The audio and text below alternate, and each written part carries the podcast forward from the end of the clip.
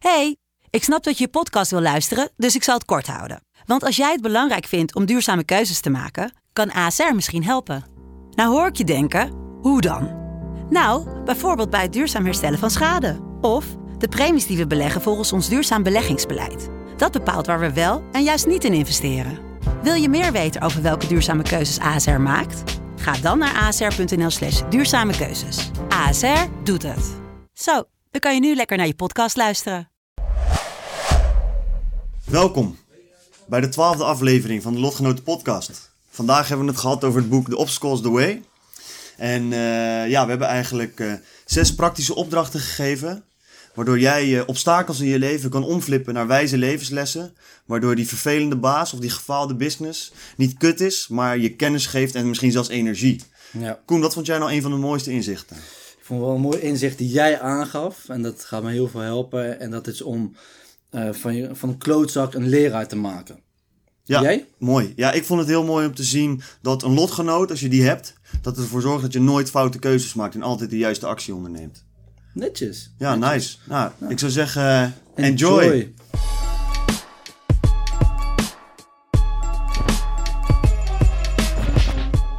Ik vind het uiterlijk van het boek vind ik een beetje vreemd. Of ja, ik vind het niet vreemd, ik vind de kleur vooral vreemd. Ja, Het is een soort van blauw, paarsachtig. Ik kan het niet helemaal plaatsen. Ik vind het wel lauw dat er een soort van kroontje op staat. Ja. Dat verwijst naar de oude eh, wijsheden van eh, het stoïcisme, zo, die hier veel in aangehaald worden. ja, ik denk voornamelijk van het Romeinse Rijk, toch?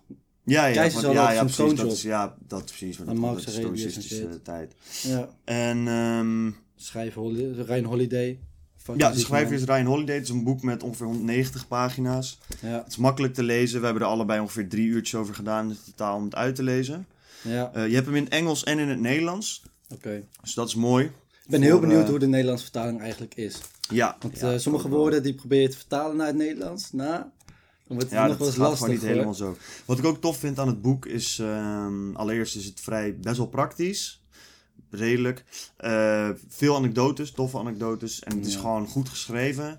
Daarbij vind ik ook ehm, de lijst achterin... met nog zeg maar extra een bibliografielijst... met daarin ehm, boeken die je hierna nog kan lezen. Forums, Reddit-forums die je kan checken en zo... om nog wat meer diepgang te krijgen op dit onderwerp. Voornamelijk ook stoïcisme zelf, hè? want Ja. het, wordt, het wordt een beetje buitenwege gelaten. Ja, het wordt moment. eigenlijk makkelijk gemaakt. Ja, en hij volgt dit precies zelf ook op. Dat Ja, vind ik ook wat vet. Klopt. En ehm, wat verder... ehm, Met hij bedoel ik ga je Ja, wat ik, wat, ik, wat ik mooi vind is dat het boek is goed opgedeeld. Het boek, boek begint met een introductie. En daarna eh, heeft het eigenlijk drie hoofdonderdelen waarin verschillende hoofdstukken zitten.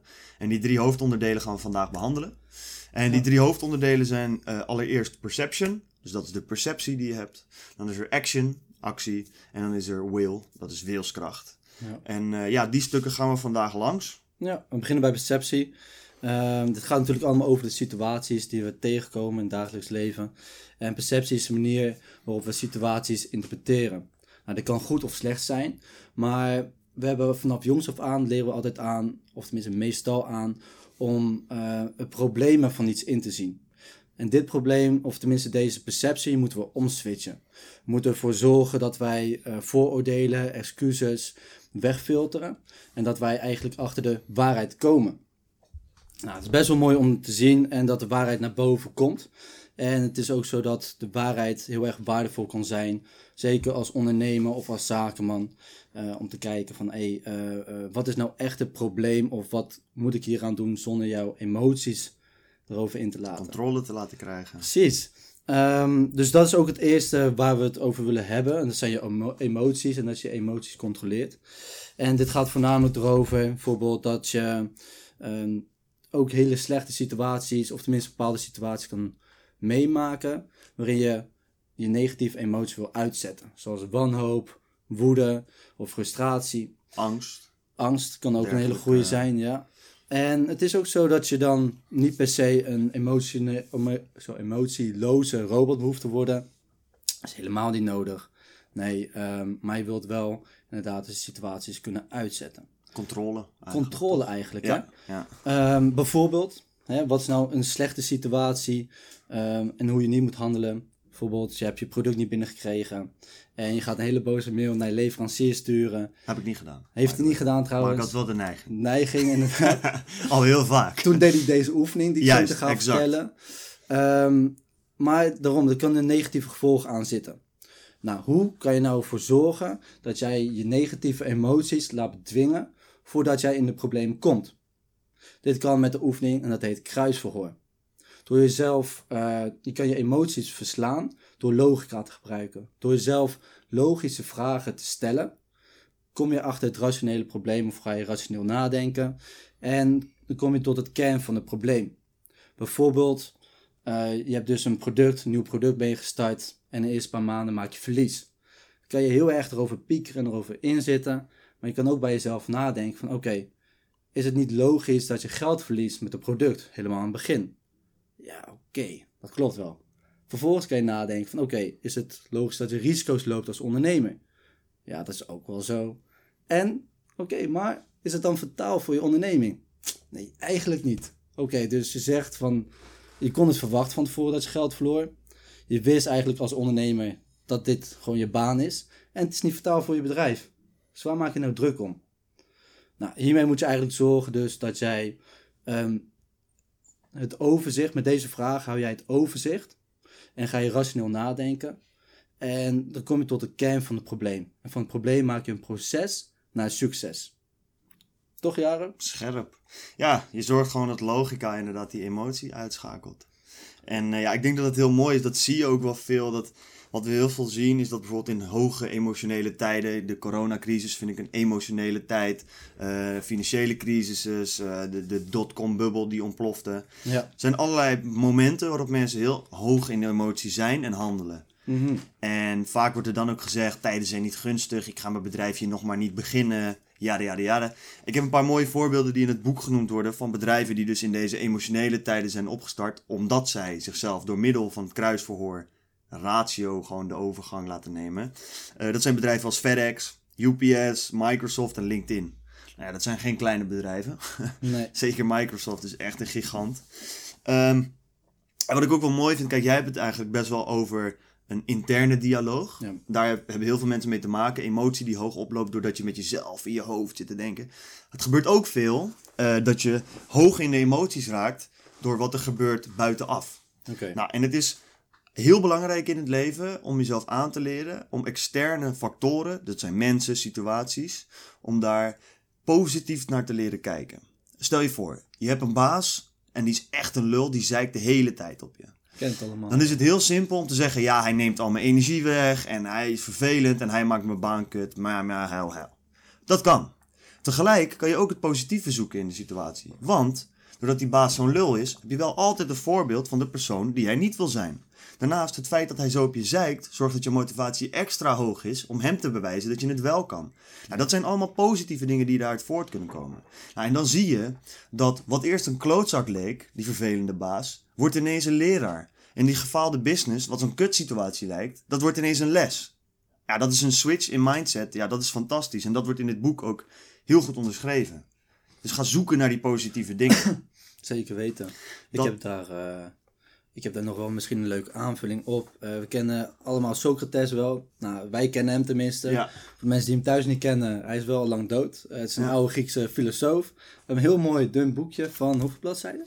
Dit is echt een boekje van, van 50 bladzijden. 50 bladzijden. Volgens mij kan je voor 5 euro halen op bij bol.com. Ehm, hoe heet die? Het is Socrates. Plato Socrates Defense. Dit is Plato die omschrijft hoe eh, Socrates zijn laatste rechtszaak ging, waar hij niet ten dode wordt veroordeeld. Precies. En waarom hij werd dus ook voor de rechter werd gesleept. Ja, Best wel heel erg. Het is toch gewoon heel erg interessant om te lezen. Ja. En dan was in die tijd was hij echt een grote man. Hij was revolutionair voor die tijd. Ehm, maar als hij toch wel thuis kwam, kwam hij thuis bij toch wel een aardige zeikwijf. Nou, een zeikvrouw, hè. Eh, waarschijnlijk wordt het natuurlijk soms wel erg uitgelegd dan het misschien in werkelijkheid is. Waarschijnlijk wel. Eh, maar zij stond er wel onbekend dat ze heel veel kon zeuren. En Socrates zag dit niet als iets negatiefs. Hij zei van, hey, dit is juist goed, want dit houdt mij scherp. Hierdoor blijf ik geduldig. En als ik in eh situaties kom waar ik mij heel erg ga ergeren, dan heb ik tenminste mijn ervaring met mijn vrouw en dan kan ik mezelf rustig houden. nou, hoe mooi switch is dat? Dat Ja, je gaat kijken, dit inderdaad van... je legt het altijd buiten jezelf. Dat is wat veel mensen doen. Trek je het nu op jezelf. Wat kan ik hiervan leren? Ja. En ik denk dat dat fantastisch is. En dit hoofdstuk wat we nu behandeld hebben, perceptie, gaat er dus ook echt om om dat te creëren. Een mindset waarin je externe en interne obstakels gaat zien als een moment om je mindset te trainen. Nou, en als we dat eenmaal gehad hebben aan de hand van de twee oefeningen die we net behandeld hebben, en dan wil ik graag doorgaan naar het tweede deel. Ik weet niet of je. Ja, ja, kijk, dan gaan we door naar het tweede deel. Eh, het tweede deel is eh, action, eh, actie. En actie gaat eigenlijk volgens het boek, is dat alles wat we doen in service van ons hogere doel. Ja. En eigenlijk is dat dus het concreet uitvoeren van acties. En dat is super belangrijk, want we kennen het allemaal wel. Je hebt een heel moeilijk tentamen waar je tegenop zit te hikken. Of je hebt eh, dat, vind ik een mooie. Ja, man, ik wil ook ondernemen. Ik, ik wil echt ondernemer zijn. Ik ben ook wel echt zo'n type. Maar ik moet gewoon e- nog echt even dat goede idee bedenken, man. Mhm, mhm. Ja, dat zijn allemaal dingen. Daar ga je dan over nadenken. En dan denk je, ah, dit is moeilijk, man. Ik, ik, ik wil eigenlijk niet leren voor mijn toets. Ik gooi Netflix even aan. Ik ga even afleiden. Het feit dat je ergens niet aan denkt, betekent niet dat het probleem of het obstakel kleiner wordt. Nee, nee. Ben jij klaar met je aflevering, dan is de toets nog steeds kut. En dat, dat goede business idee nog steeds niet bedacht. Ja. Dus daarom gaan we je helpen aan de hand van een aantal praktische tips en wat informatie om actie te gaan ondernemen. Want dat vinden ze in het boek heel belangrijk en wij hebben dat eerder ook al genoemd in podcasts. Is super Actie ondernemen is key. In het boek delen ze het op in twee onderdelen. Eh, allereerst heb je het beschouwen, objectief beschouwen van de acties die je onderneemt. En daarnaast heb je het daadwerkelijk ondernemen van die acties. Mhm. Nou, het objectief beschouwen van die acties is heel erg belangrijk als mens, maar als ondernemer nog meer. Omdat het belangrijk is om op een rationele en objectieve manier te zien wat jij doet. Nou, waarom? Elke mislukking probeert jou een les te leren. Het is aan jou om naar die les te luisteren en hem te kunnen zien. Of om gewoon door te gaan met wat je wel deed omdat je koppig bent. Kijk, ik weet wel dat het heel lastig is. En dat weet jij ook. Het is heel lastig om jezelf te wijzen op een objectieve manier op de acties die je zelf uitvoert. Want je zit er middenin. En daarom hebben wij de oefening de lotgenoot. Het is heel belangrijk dat je iemand om je heen, om je heen haalt die eigenlijk jouw persoonlijke rechter wordt. En die persoon die observeert jouw acties, die zijn allemaal doelgericht. Maar als je de verkeerde kant op aan het gaan bent met die acties, zal hij je objectief vertellen van hé, hey, dat is Koen voor mij, van yo, Ja. je bent nu niet de goede kant op aan het gaan. Ik zou de koers een beetje wijzigen. En doordat deze persoon objectief naar je kan kijken, omdat het niet zijn eigen situatie is, kan dat je ongelooflijk helpen. Dus ik raad je ook heel erg aan. Ga op zoek naar een persoon waar je elke dag mee kan bellen, of die elke dag face-to-face spreekt, die jou daarbij kan helpen. Want dat is echt goud waard. Want op die manier zorgt mijn lotgenoot dat ik, ook al ben ik het perspectief zelf kwijt, altijd iemand heb die zorgt dat de koers de goede kant op gaat. Erg belangrijk. Nice man. Ja, en wij Ja, deden man. dat hè. Wij deden dat al een tijdje. Ja, ja, ja. Ik denk, eh, we hebben nu natuurlijk een aantal, nou, ik denk een maand, anderhalve maand. Ons kantoor. Misschien wat langer. Alweer anderhalve maand, volgens mij bijna twee maanden. Ja, dus de irritaties lopen hoog op. Ja, Wat verdikken me. Nee. Maar het valt wel mee. Maar daarvoor deden we bijvoorbeeld altijd een vijf minuten eh, Ja. talk. El- elke dag, elke werkdag, ja, eh, gingen we even vijf minuten bellen van oké, wat ging er goed? Wat ging er slecht? Ehm, wat ga je morgen doen? Ja. En waar heb je nog hulp bij nodig? true. En soms liep de vijf minuten gesprek wel even uit tot 20 minuten. 25 minuten. 25 minuten. Het werden gezellige gesprekken. Ja, soms kregen we ook irritaties, boos. Weet je, Boos, jij bent wel eens ja. geïrriteerd geraakt door wat ik zei bijvoorbeeld. Ja. En ik ook wel. Ja, want je leert jezelf heel erg kennen. Alsof je tegen een spiegel praat. Maar jij praat met emotie tegen die spiegel. Exact. En zij praten heel erg rationeel terug. Juist. En jij denkt van, ja, maar dit kan er gebeuren en dat kan er gebeuren. En ja, dat, dat kan gewoon niet volgens mijn denkwijze, denkwijze. En dan kom jij aan van, en dus. Juist. Ja. Nee, niet en dus. Maar dan realiseer je wel van, ja, eigenlijk Ik ben wel. bullshit aan het verkopen. en dat is die koerswijziging, dat je weer echt gewoon door kan richting je doel. Ja, En dat is zelf gewoon heel moeilijk om te doen. zeker Dus weten. daarvoor is dat heel mooi.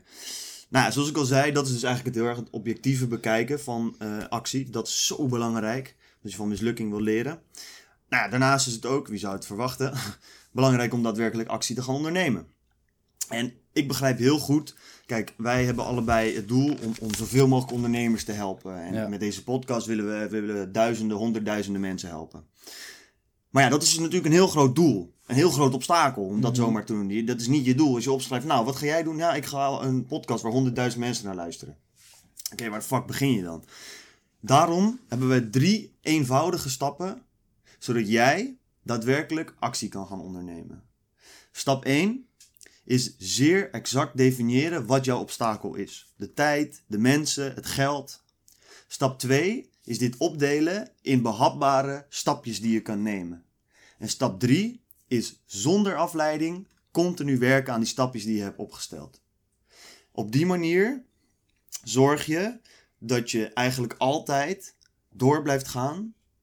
En dat als het fout gaat, heb je die lotgenoot van de vorige opdracht, die jou erop wijst zodat je door kan gaan. En dat is ook met het niet afgeleid raken heel belangrijk. Want wat er ook gebeurt, is een mooie quote uit het boek. Externe omstandigheden beïnvloeden misschien de weg, maar niet de richting. Je weet waar je naartoe wil. Ja. Misschien neem je een links waar je liever rechts was gegaan. Maar uiteindelijk ga je gewoon de bocht om en uiteindelijk ga je komen waar je wil komen. En dat is best wel mooi, hè? Dat is heel belangrijk. Ja. En eh, weer een leuke aanvulling. Ehm er wordt ook wel eens... Zo, pardon. Hey. Hey. Er wordt ook wel eens minitasken genoemd. Oké, ja. maar- Eh, mensen die last hebben van uitstelgedrag, hè? dus non-actie als het ware. Iedereen. Heel veel mensen, iedereen stelt uit. Oké. Eh, maar dan kan jij, je stelt heel vaak dingen uit omdat jij het overzicht niet hebt, je weet niet wat je moet beginnen. Of iets lijkt, wat eigenlijk soms zo klein kan zijn, lijkt zo groot. Omdat, het je, hele, omdat je de hele tijd met je mind erin zit. En inderdaad, door het in kleine stukjes op te delen, mini-tasken, dan krijgt je mind weer zo'n idee van: oké, maar dat, de ene taak duurt maar 10 minuten of kwartier. Ja. Oké, dat is niet zo erg dan een week ergens aan zitten. Dat is een heel verschil. En als je dan eenmaal bent begonnen, hé, hey, oké, volgende, oké, weer volgende. En voor je het weet, ben je alweer een paar dagen lekker bezig. En dan bouw je die momentum op en uiteindelijk kom je steeds verder. Ja, dingen zijn zo eenvoudig eigenlijk. Dat valt me altijd weer op aan het ondernemen. Ja, Iedereen is altijd maar bezig met hoe ingewikkeld het is of met toetsen. Dat had ik ook altijd. Heb je je boek, kijk je naar die 200, 300 pagina's die je moet leren, dan denk je, oh mijn fucking god. Maar als je 30 dagen van tevoren elke dag 10 paginaatjes leest, is het echt peanuts. Dus als iedereen nou gewoon eens zorgt dat die dingen op tijd gaat doen en opdeelt in behapbare stapjes, ja, dan is het re- rennen van een marathon of het bouwen van een miljoenenbusiness misschien helemaal niet zo lastig als je denkt. we gaan het wel zien. Of het er zo moeilijk is. gaan we het zien? Is easy. We gaan het doen. Zo. Nou, je hoort het. eh, alleen nog gezet. Wat voor tijdslimiet zit erop dan? Dat is nog wel de vraag. Wat is de tijdslimiet? Ja, dat wordt in het boek ook genoemd, hè, dat er is geen tijdslimiet. Ja. De weg zal enkel langer duren. Oké. Ja, dat is lastig. Daar Dat kan is ik niet direct vaag- nu... Dat is eh, een vaag antwoord, man. Mensen willen een direct antwoord hebben. Ja, hoe lang gaat het duren voor je een miljoen hebt? Vraag het aan de bank, Koele. nee, ja, weet ik veel. Staat in lening. Ja, nee, ja, ik weet niet. Daar kan ik geen antwoord op geven. Maar mijn... Oké, daar heb ik een goede vraag voor. Ja. Moet dat puur het doel zijn? Ik denk dat het eh, een doel kan zijn. Ik denk dat het ook wel goed is. Nou, daar komt dus wil heel goed bij, hè? Ja, dat is het ook aan ja. het- hey, een mooie overstap. Het, het is verduidelijken, dit is het volgende stuk. we hebben nu action stuk. gehad.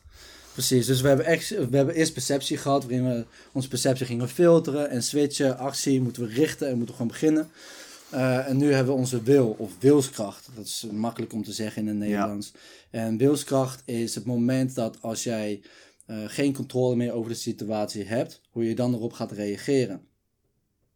Dit doe je bijvoorbeeld door te kijken van, ehm, het, is, het is niet domweg dus het, gewoon doorgaan met grinden, omdat jij gewoon ermee bezig bent, dus je moet doorgaan.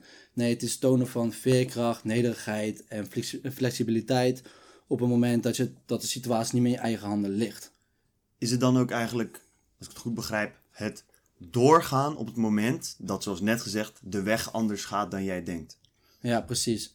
Ehm, jij wilt rechtdoor, maar ehm, ja, daar, ligt een, daar heb je gewoon een gat in de weg zitten. Dan moet jij je mind zo kunnen verzetten dat jij ook gewoon even een zijpad gaat nemen. Ja, Om wel daarna weer op de hoofdweg uit te kunnen komen. ja Maar niet per se dat jij door de kuil of door, de, door het gat heen wil. nee. ba- hoe moet zeggen? Ja, er doorheen, het, gewoon het overkruisen, Ja. daar doorheen probeert te gaan. Ja, dat vind ik ook mooi, dat een hele korte anekdote van Thomas Jefferson. Die heeft eh, de Declaration of Independence van Amerika geschreven, van de VS. Ja.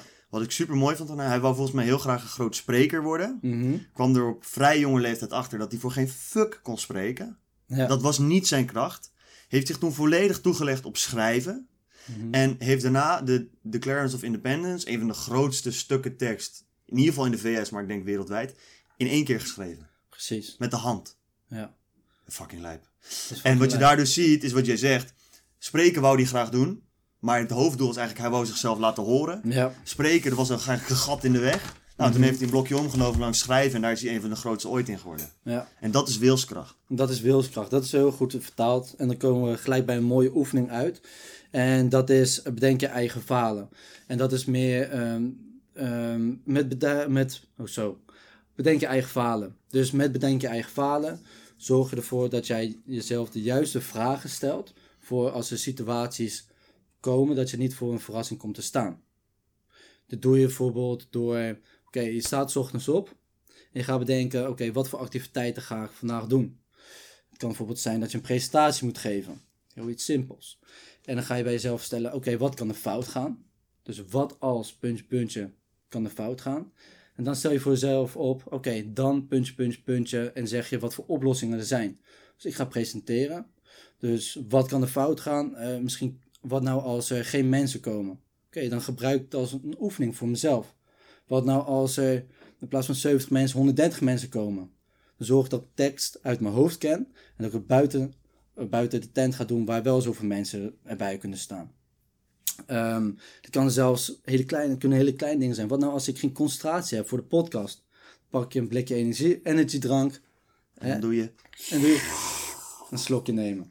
Exact. Daarom. En ehm, door deze vragen aan jezelf te stellen, kom je niet, eh, kan je snel anticiperen op de situatie. Dit is heel erg waardevol, want zo kom je niet voor verrassingen te staan. Dus onthoud, een wijs man overkomt nooit iets wat hij niet verwacht. Toch, Jaren? Dat is een exclusief uit het boek. Yes. Ja, en wat ik daar ook mooi bij vind, om even aan toe te voegen, is dat het een hele belangrijke nuance die ik hierin wil maken, voor mezelf en zeker ook voor de mensen die dit kijken en luisteren, Ja. is het gaat dus niet om doemdenken. Het is niet, ja, als ik ga spreken, straks komt er niemand, oh nee, oh. Het is, als ik ga spreken en er komt niemand, dan, Dan- doe ik dit. Ja. Ik omschrijf het als volgt, het is niet janken, maar daadwerkelijk een actieplan. Dat is belangrijk. Een actieplan, inderdaad. Exact. Inderdaad. Actieplan. Ik vind dat heel, heel ja, goed. Net Ja, toch? gezegd Ja, dat is, eigenlijk, dat is belangrijk, dat je het op die manier ziet. Ja. Anders wordt het weer iets negatiefs. En dat is het niet. Nee, het is meer van oké, maar vaak ben je ook zo zenuwachtig, omdat er heel veel puntjes zijn waarop het misschien fout kan gaan, maar je hebt ze niet helder in je hoofd zitten. Nee, precies. Dus wat doe je? Je schrijft het letterlijk op. Niet alleen dat, je schrijft ook de oplossing op. Ja. Dus je weet al van tevoren, oké, als, als het fout gaat, dan weet ik hoe ik het moet gaan oplossen. Ja, prepare te veel, man. Beperkt te veel. Dat is het. Ja, en dat, dat vind ik ook wel mooi. Dat is eigenlijk eh, in het boek wordt dan doorgepakt. Kijk, jij zegt heel terecht. We moeten eigenlijk gedenken te falen gewoon. Bereid je voor wat er mis kan gaan, zodat je daarop voorbereid bent. Nou, nou weten we allemaal dat er een moment zal komen dat het echt mis zou gaan. En dat je wellicht ook niet bedacht hebt wat je erop ging doen. Dat overkomt de beste. Eh, wat daarbij heel belangrijk is, is dat je perspectief vindt. Hier en nu. Voor wilskracht is het van cruciaal belang dat je ten alle tijden objectief en rationeel na kan denken. En het komt heel vaak voor dat je midden in een emotionele situatie ziet en dat je dat kwijtraakt, dat je mee wordt genomen door de emotie. Nou, zelf heb ik daar een hele mooie oefening voor. Stel je voor, ik heb een deal van een ton en die gaat niet meer door. Dan kan ik denken, ja, nu ga ik failliet, de wereld vergaat, dit is het ergste wat er kan gebeuren. Maar stel je voor dat ik op dat moment een telefoontje krijg. En in dat telefoontje krijg ik te horen dat mijn familie allemaal overleden is in een auto-ongeluk. Maakt die ton me dan nog iets uit? Niks. Nee, dat denk ik ook niet. Nee. Tegelijk moet je je ook door het succes en het geld niet mee laten slepen.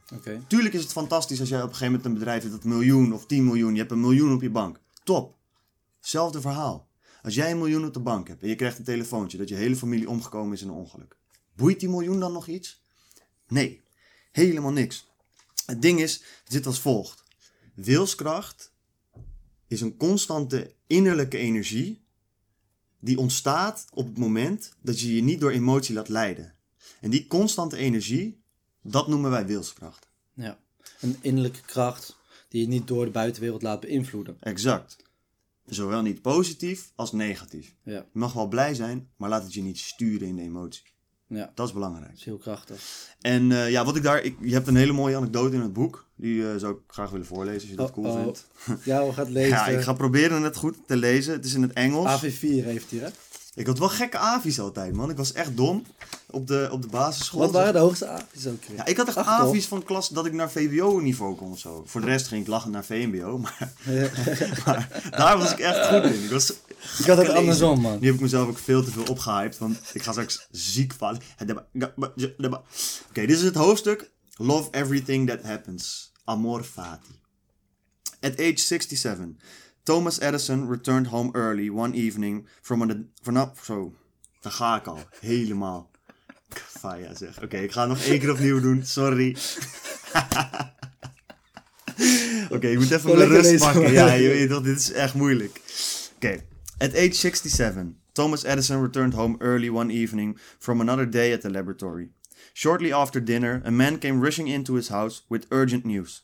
A fire had broken out at Edison's research and production campus a few miles away. Fire engines from eight nearby towns rushed to the scene, but they could not contain the blaze. Fueled by the strange chemicals in the various buildings, green and yellow flames shot up six and seven stories high, threatening to destroy the entire empire Edison had spent his life building. Edison calmly but quickly made his way to the fire through the now hundreds of onlookers and devastated employees looking for his son. Go get your mother and all her friends, he told his son, with childlike excitement.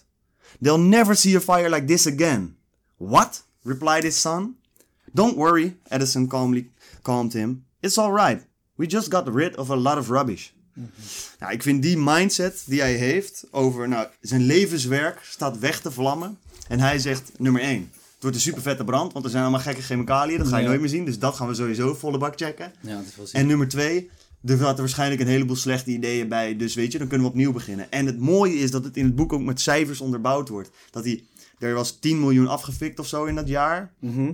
En het jaar daarop heeft hij volgens mij 30 miljoen omgezet of zo. En dat is, even voor jullie informatie in detail, dat is nu 100 tot 300 miljoen, eh, dat verschil. Ja. Gigantisch verschil. ja, je ziet het wel eens vaker. Ik, ik, ik durf niet meer voor me te halen eh, wie of welke situatie het was. Maar dat iemand een, een boek schrijft of een lang verslag, gewoon van 30 bladzijden, of echt een boek schrijft. eh, maar hij heeft maar gewoon, het is een ori- originele script, toch? En dat hij dan aan, zijn, aan de medepersoon laat zien. Die persoon gooit het gewoon boem, in de open haard. Nou, en dat, denkt, nee, ja, dat is volgens mij regel, regel 1 bij het schrijven van een boek. schrijf hem twee keer. Ja. Ja, is dat echt? Ja, nee, ik hoor in ieder geval van, niet dat ik zoveel schrijvers ken, maar zeg maar in podcasts en dingen. Wat heel vaak gebeurt, is je schrijft het één keer, nou flikker je alles weg, Ja. omdat de essentie beklijft. Dus jij gaat de volgende keer dat je schrijft nog beter de essentie Ja, omschrijven. en dan sowieso de essentie. En ik heb het ook wel eens gehad, gewoon dat ik iets kwijt ben. Ga ik denk, nee, toch? Maar je merkt wel dat het één, het gaat sneller. Want het, je, hebt, je hebt het al in je hoofd zitten, de Ja. essentie heb je. En je weet al wat de verhaallijn is. Dus je kan ook makkelijker emotie erin leggen. Of het verhaal beter beschrijven. En het is een kunst om daarna te leren, om te genieten van die frustratie. Het is een mooi moment om te leren over hoe je handelt op dat soort momenten. Dat is, Ja. dat is die hele, eigenlijk wat we net allemaal behandeld hebben. Ja, Jij verandert je mindset. Stel je voor, je vriendin maakt het uit. Dat is een mooie kans om die emotionele roman die je altijd wil schrijven, die emotie te gebruiken daarvoor. Dan ga je actie ondernemen volgens de stappen die we net zetten. Op een gegeven moment zit je er helemaal doorheen. zit je er helemaal doorheen. En dan komt die wilskracht zetten. Want misschien is schrijven niet jouw beste manier. Dus je neemt het op als audio. Ja. Snap je? En zo behaal je je doel. Dat is gewoon een concreet voorbeeld van wat dit boek mij geleerd heeft. Nou, en nu hopelijk-. Ook de mensen die dit geluisterd hebben. Ja, ik denk eh, inderdaad, oké, nou als jij ook vertelt wat, ze- wat het jou heeft geleerd. Ja, Mij heeft het heel erg geleerd. En wat ik van stoïcisme altijd al heb eh, meegekregen, is de perceptie hoe je naar situaties inderdaad bekijkt. Niet echt af, achteraf. Wilskracht was echt nieuw voor mij nog. ja, Eh, maar de perceptie dat je zegt van hé, ehm, mensen kijken bijvoorbeeld met presenteren. Zoveel mensen vinden presenteren iets engs of iets van dat kan ik niet. ja. Maar het is letterlijk gewoon voor een groep mensen staan en dan praten. Wat jij ook gewoon met je medemens doet. Of mensen kunnen een podcast ook heel erg eng vinden. Of, ja. eh, voor mij maakt het trouwens geen verschil of, of ik voor vijf mensen presenteer of voor honderd mensen. Nee? Ik denk dat ik vijf, nou, ik denk dat ik een groep van 15 mensen vind ik erger dan een groep van 70. Ik heb dus heel vaak dat ik sowieso sta te trillen als een rietje. Ja? Ja man, ik ben echt een zenuwleier. Maar dan kan je Tony Robbins erbij halen. En dat is ook een stukje stoïcisme. Van, het is, je hebt een soort van angst, Ja, denk je. Maar het is geen angst, het is energie. En het is een vorm van energie die tot angst kan leiden, Ja. maar ook tot enthousiasme. ja. Maar je kiest zelf voor welke weg. Ja, ja want die, die emoties zitten heel vlak bij elkaar, toch? Neurologisch gezien zelfs, volgens mij. De, daar, oh, dat, dat durf Dat ik niet zeggen, man. Nou, Dan ben ik wel benieuwd, Koen. Eh, we hebben nu het boek helemaal afgelikt. Oh, wat een lekker boek. Mm. Nu geef het nog weg. Ja. Wie dit boek wil winnen. Voor iedereen die luistert, ik heb net Zo. mijn boek afgelikt. Ehm, Oh. nee, ik ben heel benieuwd wat je nog mist in het boek. Oh, oeps. Nee, wat, ik ben heel benieuwd wat je mist in het boek. Wat, eh, wat zou jij nog toevoegen aan het boek? Ehm, ja, ik vond, ik vond, en daar zijn we later wel op teruggekomen wat wilskracht precies is. Ja? Maar inderdaad, wat we dus goed hebben beschreven samen, is dat het niet domweg doorgaan. Het, het doorgaan is ongeacht wat er gebeurt. Mhm. Ehm, maar dat het, het, het is echt een tonen van veerkrachtigheid en dat jij per se ook een zijweg kan nemen in plaats van een Ja. hoofdweg. Dat hebben we heel goed beschreven nu. Ehm, maar dit was voor mij tijdens het lezen van het boek, vond ik dat nog Ja. moeilijk om eruit te halen. We moesten het echt in het Nederlands vertalen en we hebben nu gewoon een paar keer nog, eh, we hebben erover na kunnen denken, eigen voorbeelden erover kunnen, naar voren kunnen halen. Ja. En nu komen we echt pas erachter, oké, dit is wilskracht. Ja, de Nederlands docent eh, op VWO 6 zou echt kapot trots zijn. We hebben gewoon een gek eh, We boekbespreking zouden een voorbereid. 10 krijgen. Ja. ja, waarschijlijk niet. Waarschijnlijk. Nou. En ik heb ja, nog ja, wel... nee, dat, dat, dat wil ik even op inhaken. Dat eh, heb ik ook wel een beetje. Dus dat is voor iedereen die het nu luistert een, eh, een top. Ik denk dat als je het boek nu leest, dat het Min. nog duidelijker is. Nee, een, een top van dat wij het wat meer uitgelegd hebben nu. En in het Oh, boek zo. zelf, is misschien door de vertaling was het voor ons wat lastig. Dat kan ik ook wel Dus- onderschrijven. Een Nederlands boek zou wel fijn zijn, Nederlandse editie. Misschien hierin wel. Ja, ik zou het ook leuk vinden als ze iets meer stoïcistische denkers van nu aan zouden halen. Ik weet bijvoorbeeld dat voor iedereen die muziek luistert, T-Pain. Ik weet niet of het echt helemaal bewust is, maar doet heel veel van dit soort dingen. Deze manier van denken, het stoïcistisch denken. Ja. Elon Musk en Bill Gates, nou ja, dat zijn allemaal grote denkers. Dus ik zou het leuk vinden als het nog wat meer in deze tijd gehaald werd. Ja. Maar ja, het is ook wel een wat ja, ouder boek. Ik denk 2012 of zo. Ik weet niet precies wanneer het geschreven is. Nee, durf ik ook niet te Nou ja, zeggen. in ieder geval een tijdje geleden. Kan jij misschien even checken. Verder heb ik nog... ehm, toen ik het boek de eerste keer las, had ik niet direct het idee dat er veel concrete actiepunten in stonden. Eh, ja, dat hebben wij er nu helemaal uit gedestilleerd. Maar dat was niet... 2014. Nou, 2014. Dat was toen niet helemaal duidelijk. Dus dat eh, had ik nog wel iets meer gewild. Ja. Maar ja, dat, eh, ja, dat hebben wij nu opgelost voor iedereen die dit luistert. Ja. En voor onszelf. Ja, ik, ik weet wel dat wa- wat jij zegt, hè. er zijn praktische tips uit te halen, maar je moet ze echt filteren. Ja, Hè, je moet wel echt met de juiste perceptie Ja. ernaar kijken. Want je kan bijvoorbeeld naar het verhaal van Lincoln kijken met zijn depressie. En dat hij zijn depressie gebruikte niet als een obstakel, maar meer van... Hé, hey, ehm, ik ben zo krachtig dat ik depressies overkom. Dat ik ook andere mensen uit het roet kan helpen. ja. En dat vond ik best wel krachtig. En het doet wel wat met je. Maar je moet wel met zo'n perceptie naar Ja. het boek lezen. De eerste keer dat je het leest, word je vooral emotioneel veel bewogen. Met Ja. het idee dat je echt van, oh, dit zijn goede denkwijzes. Maar direct praktisch maken is dan nog lastig. Ja, En de tweede keer dat je dat leest, zit je er misschien meer in van, ik wil er praktisch iets uithalen. En dat hebben wij nu voor jullie helemaal duidelijk gemaakt. ja. Eh, verder, Ik heb nog wel één ding. Ja. Wat je zegt, jij zei verhalen. mhm, En ik denk, Ryan Holiday zelf is ook iemand die het stoïcisme heel erg navolgt. ja, En eh, Robert Greene, eh, de schrijver van For the Eight Laws of Power. ja, Ook, hij kan fucking goede boeken schrijven. Als je die boeken nog niet hebt gelezen of... Het zijn echt Ja. hele mooie geschiedenisboeken Ja. om te lezen. Ja. Eh, maar om dan terug te komen, Ryan Holiday weet heel veel van stoïcisme. Hij heeft geen persoonlijke verhalen erin gezet. Is een keuze geweest. ja, Maar ik vond het wel leuk om nog een beetje een persoonlijke ja.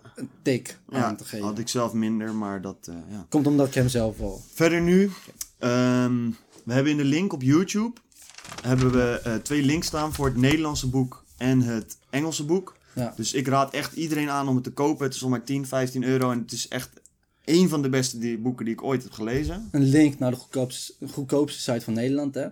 Ja, ik denk het. Ja, zeker wel. Dan zetten we de link er niet in, hè? En verder, eh, ja, zou je het aanraden?